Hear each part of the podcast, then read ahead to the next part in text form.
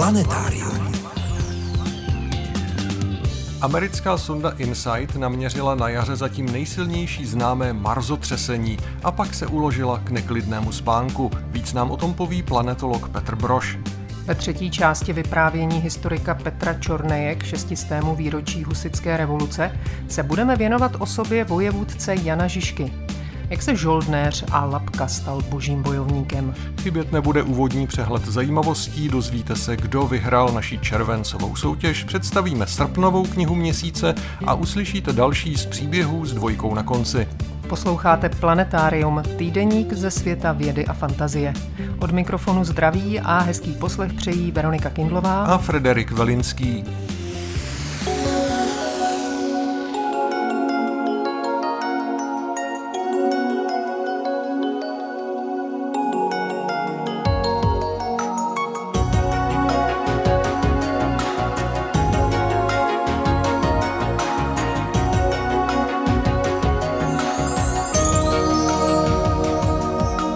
Začneme přehledem novinek a zajímavostí ze servisu ČTK. Hranická propast na Moravě, nejhlubší zatopená jeskyně světa, je oficiálně zase o něco hlubší. Speciální podvodní robot, který svůj sestup dokumentoval pomocí šesti kamer a sonaru, se tam 1. srpna ponořil do hloubky 450 metrů, aniž dosáhl dna. Hlouběji nemohl, zastavila ho technická omezení. Na jeho ponoru je kromě zmíněného rekordu cené i to, že robot díky svému vybavení pořídil 3D mapu zatopených prostor. Na unijním seznamu invazních nepůvodních druhů nově přibylo 17 živočichů a 5 rostlin. Dohromady tak čítá 88 druhů, které na území Evropské unie ohrožují biodiverzitu a ekosystémy. Pro naše odborníky jsou z pohledu druhové ochrany nejvýznamnější nové zápisy některých druhů ryb, především sumečka černého a hadohlavce skvrnitého. Mezi nežádoucí druhy se dostali i jelen axis indický, rak rusoboký nebo želva drápatka vodní. Na známé archeologické lokalitě v Těšiticích Kijovicích na Znojemsku se našla hliněná soška berana z mladší doby kamenné, neolitu. Plastika je unikátní tím, že je zřejmě záměrně poškozená. Zdá se, že ji někdo odlomil rohy, končetiny a zdeformoval stylizované pohlaví. Podle odborníků mohlo k poškození dojít záměrně během nějakého rituálu. Také to ovšem mohla být dětská hračka a děti své hračky často rozbíjejí. Koncem července vypustili Číňané do vesmíru další modul své budované orbitální stanice Tian-Kung. Jedná se o vědeckou laboratoř o hmotnosti 23 tun, bezkonkurenčně nejtěžší díl vesmírné skládačky, který se po 13 hodinách letu úspěšně připojil. Budování stanice Tian-Kung skončí v říjnu, kdy se připojí čtvrtý opět laboratorní modul – Stanici momentálně obývají tři čínští kosmonauti na dlouhodobé půlroční misi.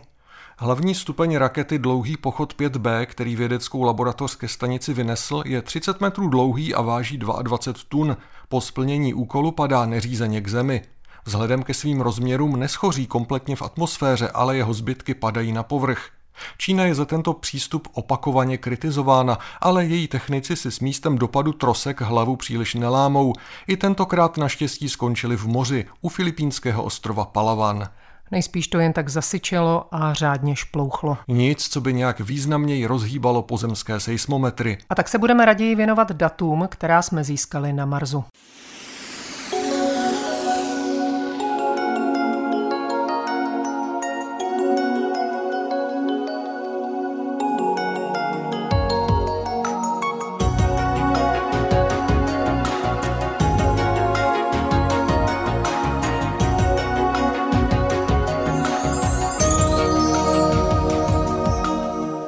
Americká sonda InSight přistála 26. listopadu 2018 v marzovské oblasti Elysium Planitia na přechodu mezi nížinami severní a výšinami jižní polokoule rudé planety. Je to na pohled nudná oblast, rovina bez velkých balvanů, ideální pro bezpečné přistání a vyklopení fotovoltaických panelů stacionární sondy.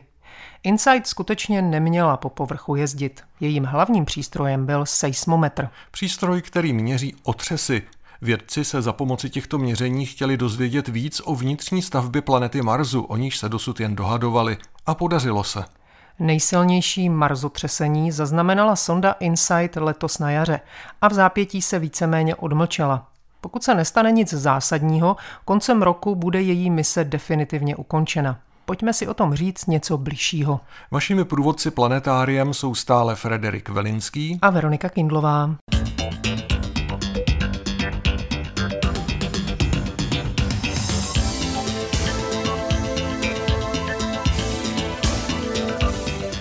Proč sonda InSight spěje k ukončení své marzovské mise?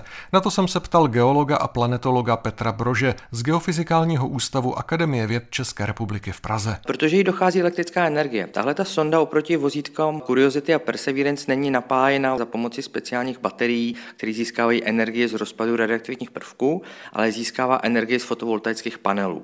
Jelikož je Mars prašná planeta, tak se na těch fotovoltaických panelech postupně hromadí vrstva prachu a tenhle ten prach zabraňuje dopadání slunečního záření na ty panely a v ten moment sonda má stále k dispozici menší a menší množství energie, což se projevuje v tom, že nemůžou všechny ty vědecké zařízení, které na ní jsou, běžet a bohužel ta situace začíná být tak kritická, že vlastně už nemůžou běžet ani systémy, které udržují tu sondu samotnou při životě.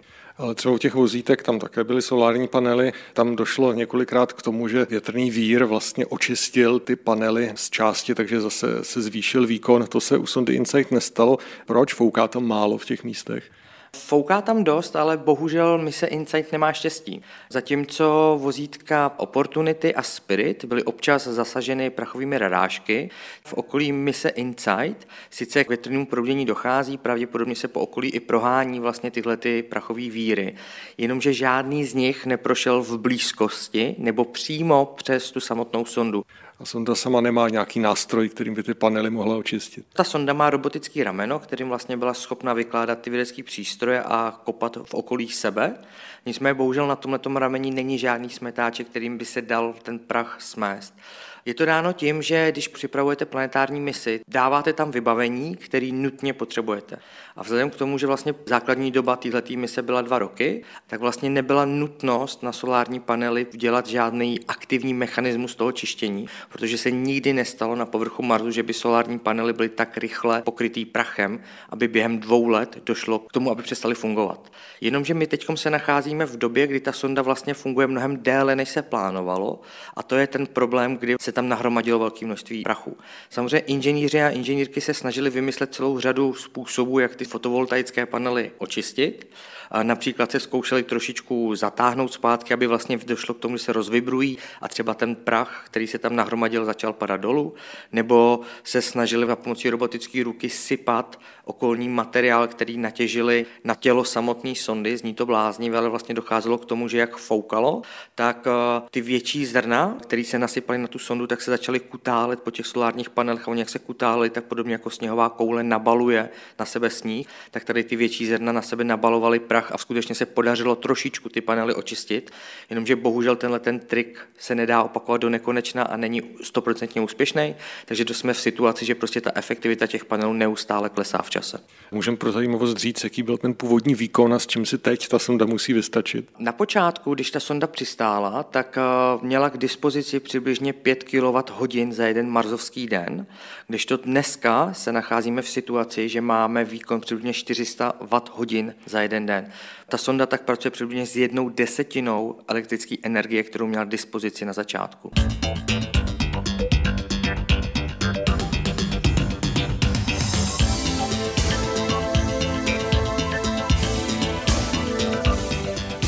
Technici z NASA na sondě InSight postupně vypínali některé přístroje.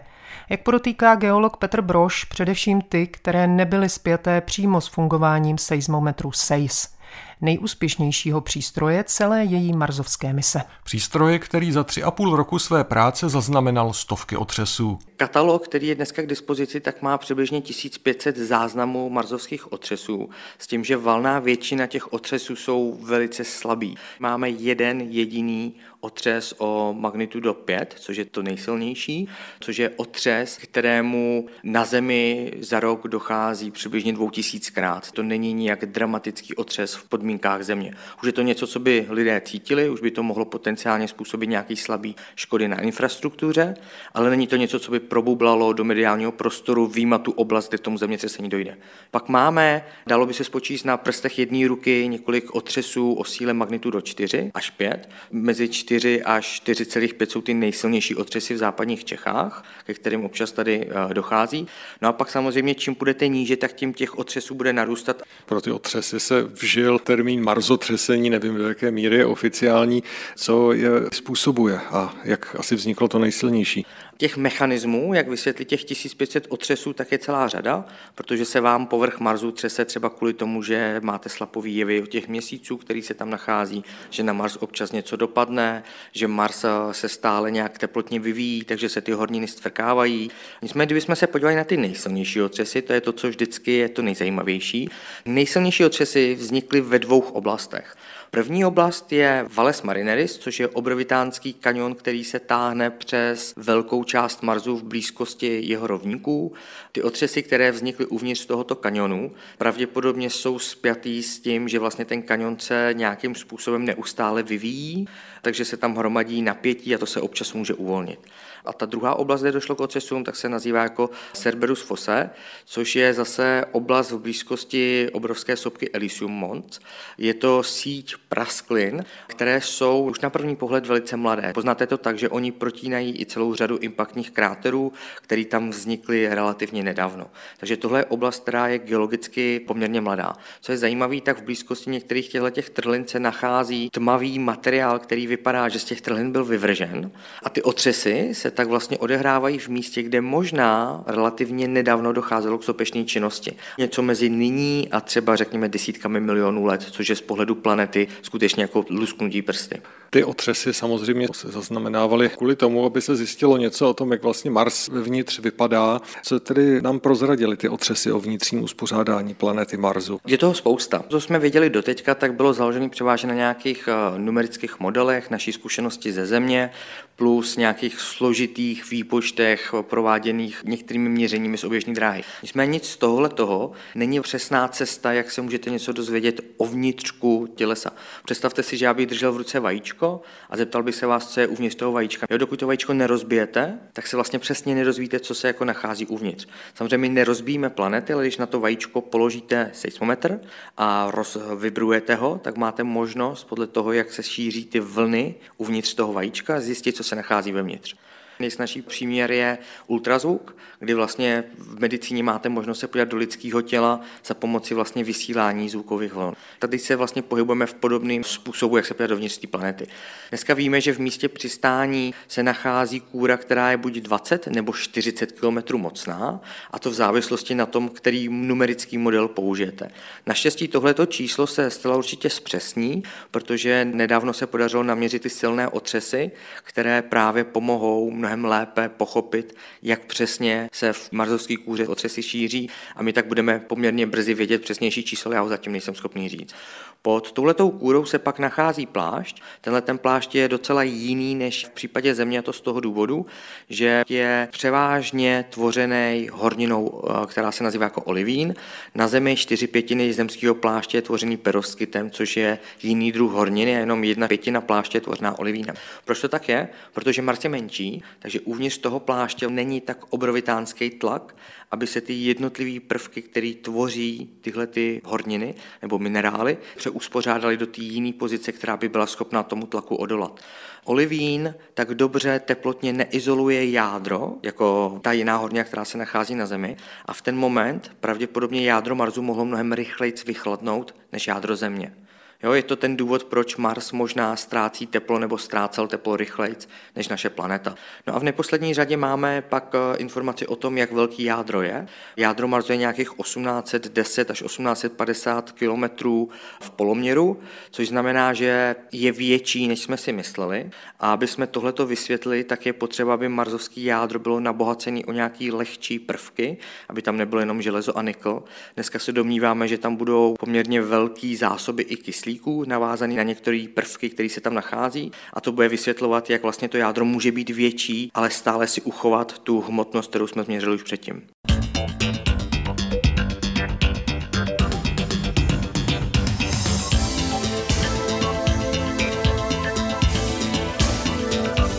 Kromě přístroje SEIS byla sonda InSight vybavena unikátním zařízením, pro které se vžila přezdívka Krtek. Tenhle Krtek bohužel zklamal, říká Petr Broš. Krtek správným názvem HP3 byla teplotní sonda, která se měla zatlouct pod povrch a měřit tepelný tok kolik tepla uniká zevnitř planety. Díky tomu bychom byli schopni spočíst, kolik tepla se uvnitř Marsu nachází a třeba i to, jaká teplota v jádře Marsu v plášti nebo v kůře stále je.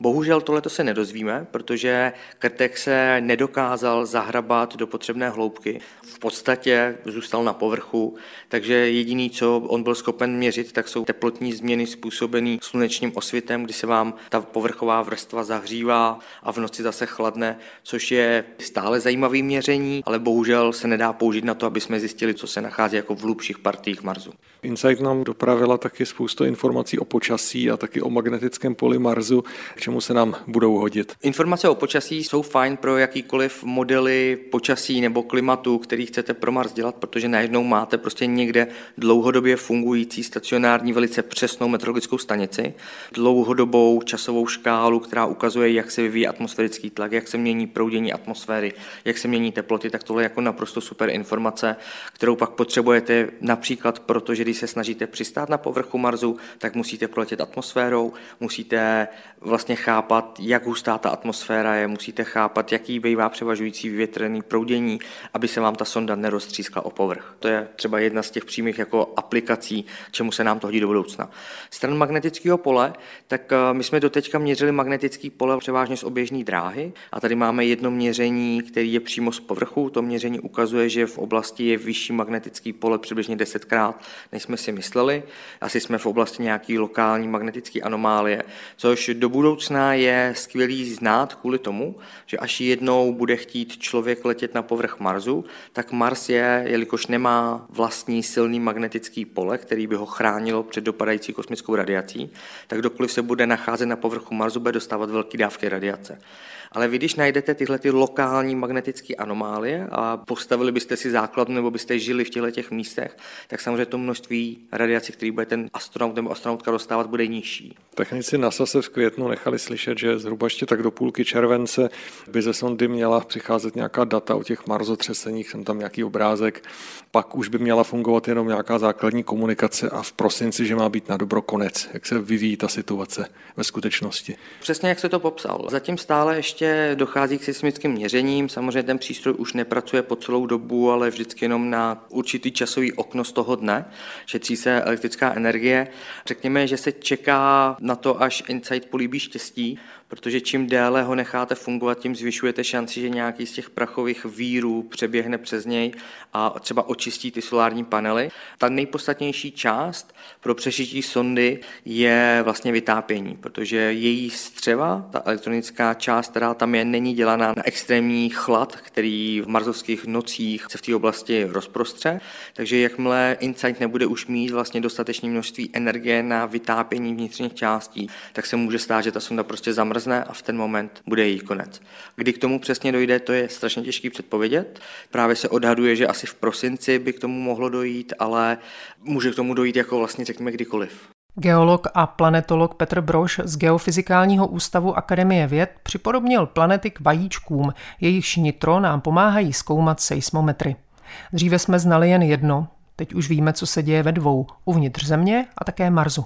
Díky tomu si můžeme udělat představu i o vnitřku jiných vajíček v naší sluneční soustavě, ale třeba i v okolí cizích vzdálených hvězd. Zároveň nám to zpětně pomáhá při zkoumání naší vlastní planety. Od žhavého žloutku uvnitř až po tvrdou skořápku zemské kůry.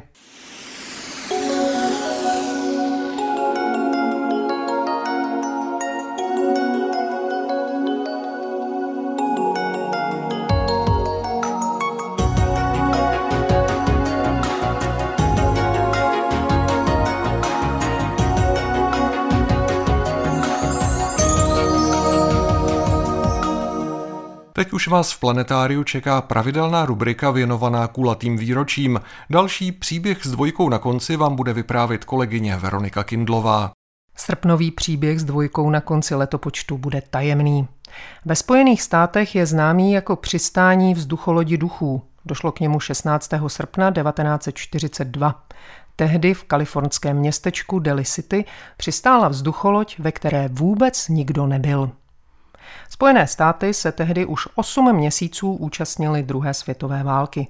Američané sváděli tuhé boje s Japonci v Tichomoří, z atlantické strany vzdorovali útokům německých ponorek a pochopitelně se obávali i ponorek japonských, které by se mohly přiblížit k západnímu pobřeží. Společnost Goodyear tehdy americkému námořnictvu darovala své reklamní řiditelné vzducholodě s měkkou konstrukcí. Jedna z nich, L8, byla přidělena na základnu Treasure Island v San Franciském zálivu, aby hlídkovala podél břehů a hledala nepřátelské ponorky. S tímto posláním vzlétla vzducholoď L8 také 16. srpna.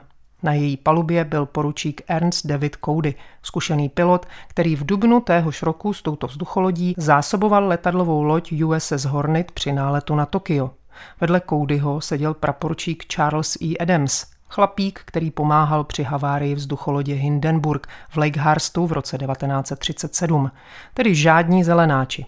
Původně s nimi měl letět ještě třetí kolega, ovšem kvůli raní rose byla loď těžší a aby tedy nedošlo k přetížení, zůstala posádka dvoučlená. Jejím úkolem bylo od 6 ráno asi 4 hodiny létat ve velkých osmičkách mimo oblast zálivu, pak se vrátit pro palivo a znovu se vydat na trasu. V půl osmé se posádka ozvala základně se zprávou, že u blízkých ostrovů možná vidí ropnou skvrnu, která by mohla být stopou po ponorce a že ji blíže proskoumá. V následujících hodinách se už vzducholoď neozvala. Základna po nějaké době vyslala průzkumné hydroplány, aby se po L8 podívali. Podle jejich pozorování a svědectví z dalších lodí a letadel víme, že vzducholoď kroužila v místě, kde mohla být ponorka. To mohlo být někdy před devátou hodinou. Dokonce schodila na hladinu kouřovou nálož. Pak se náhle zvedla a stoupala do mraků.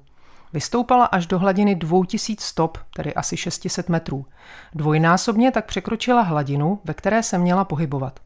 Podle všeho byla už tehdy bez posádky. Po překročení povolené hladiny se automaticky otevřel průduch, kterým utekla část hélia, balon nesoucí gondolu, kde sedí posádka, poněkud splasknul a loď začala klesat. Klesala až k pobřežním útesům, kde se její kotevní lana pokusili chytit nějací plavci. Neúspěšně.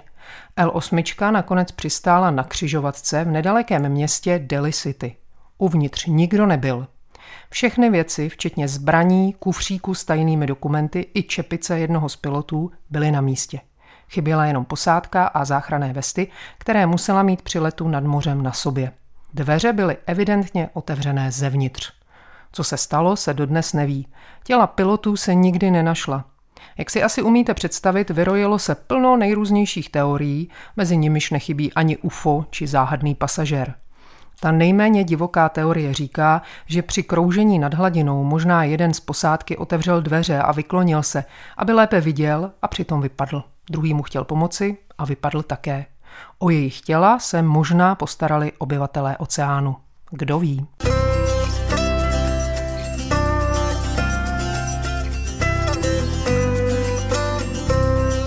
Texty pravidelných rubrik najdete v plném znění na našem webu. Rozhovory z pořadu se tam nacházejí také ve zvuku a částečně i v textovém přepisu.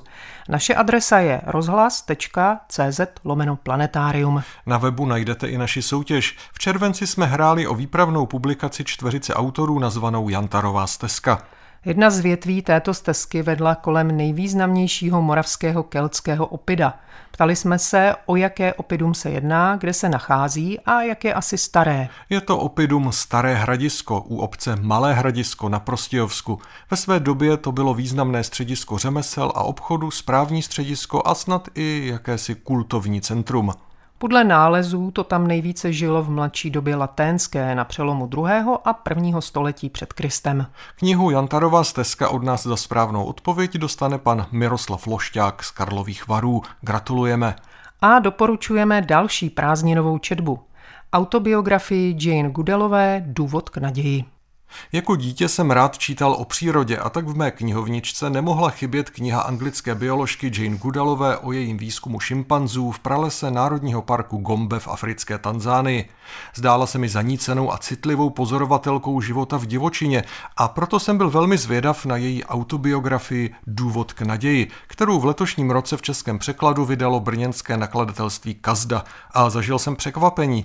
Není to jen obyčejný popis jednoho života, spíše niterný záznam duchovního zrání válečného dítěte, které touží po dobru, klidu a míru, hledá jej u Boha v psaní veršů i v divoké přírodě střední Afriky, kde jej také bohužel jen zdánlivě nachází u šimpanzů na březích jezera Tanganika. Pralesí přináší obdobné mystické zážitky jako návštěva pařížské katedrály Notre Dame – Vše se ale pokazí, když zjistí, že i šimpanzi dovedou být nelítostní, zabíjet a válčit zdánlivě bez příčiny a dokonce požírat mláďata svých druhů. Do toho zasáhne revoluce v nedalekém Kongu a Jane Goodalová prožije kruté setkání se zlem a nakonec i se smrtí, kterou tak rádi vytěsňujeme ze své mysli, zvlášť pokud se týká nás samotných nebo lidí, k nimž cítíme úctu a také lásku. Celá kniha je tak vlastně svědectvím o budování životní filozofie, která Jane Goodalovou dovedla k jejím postojům v ochraně přírody a životního prostředí, k aktivitám na zlepšení života zvířat chovaných pro laboratorní účely i k boji s lidskou bezohledností a krutostí, která je s tím vším spjata. Právě proto založila svůj institut, který chce inspirovat lidi k individuálním akcím na pomoc zvířatům, ale také jiným lidem a obecně k záchraně světa, v němž spolu všichni žijeme. Naděje a víra je to hlavní, co se jako nit tahne nejen knižní autobiografii bioložky Jane Goodallové, ale zjevně i jejím životem přes všechny zkoušky a tragédie, které si musela prožít. Ze stránek k nám vane dojemný dech poselství. Je nutné pomáhat přírodě, zvířatům i lidem, naslouchat jim, mluvit s nimi a budovat vztahy. Když se tou vírou nakazíte, čeká nás všechny lepší svět. Kež by to tak doopravdy bylo.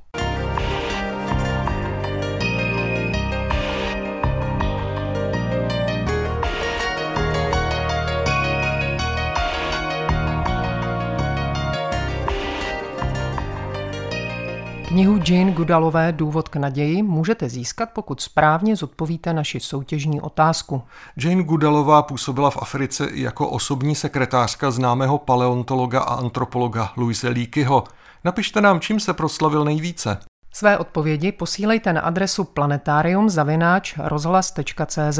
Máte na to čas až do neděle 21. srpna. Hodně štěstí. V poslední části dnešního planetária se opět vydáme za husity.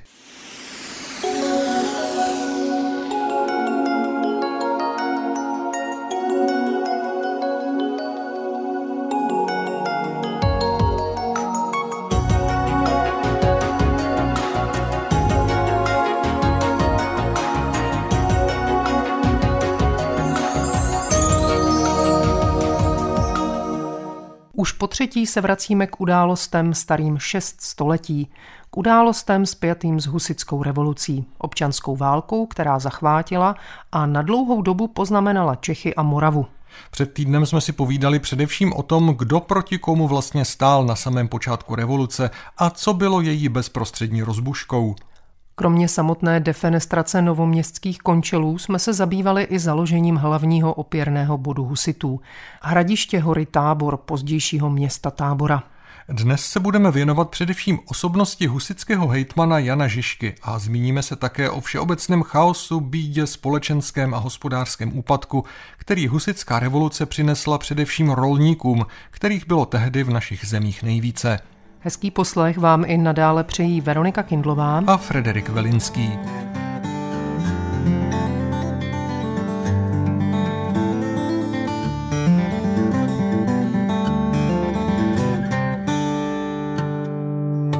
Jan Žižka, Život a doba husického válečníka. To je název monumentální práce historika profesora Petra Čorneje, která byla dokonce oficiálně vyhlášena knihou roku 2020. S kým jiným si povídat o Janu Žižkovi než právě s Petrem Čornejem. O Žižkovi se ví, že byl žoldnéřem i lapkou, pak se najednou objevil v Praze na dvoře českého krále Václava IV. a o něco později z něj byl husita a boží bojovník. Jak u něj mohlo dojít k takovému přerodu? Na tuhle otázku hledal Petr Čornej odpověď celá dlouhá léta. Došel jsem k jediné možnosti, že Žižka, který skutečně působil v těch bojových družinách ve službách vysoké šlechty na počátku 15. století a byl skutečně postaven mimo zákon kvůli své činnosti která byla násilná a za kterou byla reglementována šibenice, tak byl nakonec omilostněn králem Václavem IV. v roce 1409. Potom se stal účastníkem velké války mezi Polsko-Litovskou unii a řádem německých rytířů v Pobaltí. Kdy přišel do Prahy, to nevíme, ale v Praze je velmi pravděpodobně doložen už v roce 1414 na královském dvoře Václava IV pravděpodobně jako vrátný, vlastně ve skutečnosti člen ostrahy, ano, královských objektů, což bylo tak jako dobré pro člověka, kterému se blížila šedesátka, aby si tak něco přivydělal a zajistil se na poslední léta života, ale on velký hospodář nebyl, protože ten dům, který měl v dnešní ulici na Příkopě na místě dnešního slovanského domu, musel prodat ten byl dost drahý, 50 kop grošů. To ani nevíme, kde na to sebral peníze. Asi možná ani nebyl schopen splácet, pokud si to kupoval na splátky. No a najednou se nám objeví v roce 1419 při novoměstské defenestraci jako její přední účastník a pravděpodobně také jeden z organizátorů, čili přesvědčený husita. Co ho přimělo, že jo? Tak podle mě to ovzduší pro reformní, které bylo charakteristické pro dvůr Václava IV., protože tam žila spousta husových velmi velkých přívrženců, takže to ovzduší dvora na něho muselo působit. Také návštěva kázání husických kazatelů v Praze. I když nevíme, zda osobně poslouchal Husa, zda se s Husem znal nebo potkal. A podle mě rozhodlo o jeho příklonu k husitství to, že musel na konci života bilancovat a říkal si, jak dosáhnout spasení. Stál se mimo zákon, hrozil mi hrdelný trest, zabíjel jsem lidi i bez příkazu nadřízeného, čili jsem se dopouštěl vraždy. Že? No a jak si zajistit tedy ten život věčný a naději na spasení. Domnívám se, že v tom příklonu k husickému pojetí božího zákona našel tu cestu, která mu měla zajistit ne jistotu, ale naději na život věčný a proto také s takovým odhodláním a s takovou horlivostí, zapáleností, zaníceností, přísností husický výměr božího zákona obsažený ve čtyřech artikulech pražských prosazoval. Kde se vzaly ty jeho vojenské schopnosti, protože on každou bitvu velkou vlastně vyhrál. Bylo to taky pozůstatek té jeho žoldnéřské minulosti možná. Nepochybně to bylo tím, že on se více než nějakým zemanem na statku cítil člověkem ve zbrani a tudíž se věnoval vojenské službě. Víme, že zprvu sloužil i Rožumberku, pravděpodobně i na Českém Krumlově. Je možné, protože se na 20 let vytrácí z pramenů české provenience, že působil v zahraničí jako žoldnéř. V roce 1407 8 je dokonce doložen jakýsi Jean Sisk de Bohem jako posel českého krále na burgundském dvoře. Ovšem je otázka, jestli je to nějaký Šiška nebo Žižka, že to jako je velký problém s identifikací. Takže eh, asi zahraniční zkušenosti měl a v těch ozbrojených lapkovských družinách tam si osvojil formy partizánské války, gerily, kterou ovládal dokonale. Takže myslím si, že právě tahle ta vojenská zkušenost a jistě i povědomí o jeho vojenské zdatnosti vedli k tomu, že se hned to 30. července 1419 ocitá mezi lidmi, které revoluce dostává nahoru na jeviště dějin a z něho už nesleze až do smrti.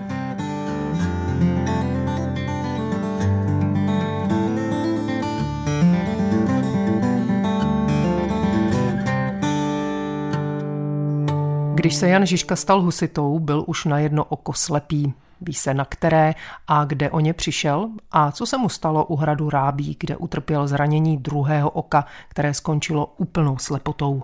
Jak říká historik Petr Čornej, na jedno oko byl slepý patrně již v mládí. Přízvisko Žižka, které nepoužíval nikdo jiný z rodiny, se s největší pravděpodobností vztahuje právě k té jednookosti. Podle Eny Silvia, který to měl všem z třetí ruky, Žižka ztratil oko v době dětských nebo jinožských her.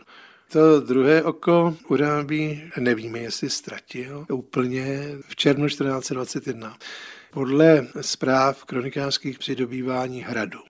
A že to byl zástřel, se píše z.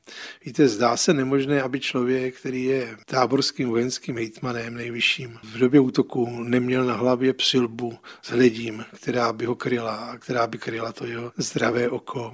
Na druhou stranu není myslitelné, že by člověk s nekrytou hlavou dostal zásah z kuše na vzdálenost 300 metrů a nezemřel, protože do těch 250-300 metrů to bylo bezpečně smrtící projektil, když se to dostalo do obličejové části hlavy. Jak to bylo, zda ta střela z kuše už byla na větší vzdálenost a už neměla razanci, nebo zda ta střela zdeformovala hledí a nějakým způsobem poškodila oko a nějaký úlomek kovový v tom oku zůstal. To nevíme. Víme jenom, že Žižka se léčil více než měsíc. Byl převezen do Prahy. Ten transport vydržel, to znamená, že to zranění nebylo považováno za život ohrožující, i když se šířily zprávy, že jen tak tak zůstal naživu. Před polovinou srpna už se zúčastňuje spíše symbolicky vojenského tažení, ale potom zůstává jako velitel až do smrti. Tam je otázka povahy zranění toho oka. Jaké to bylo, to nevíme. To záleží na pravosti tzv. čáslavské kalvy, která byla za podezřelých okolností nalezena v listopadu 1910 při opravě děkanského kostela svatých Petra a Pavla.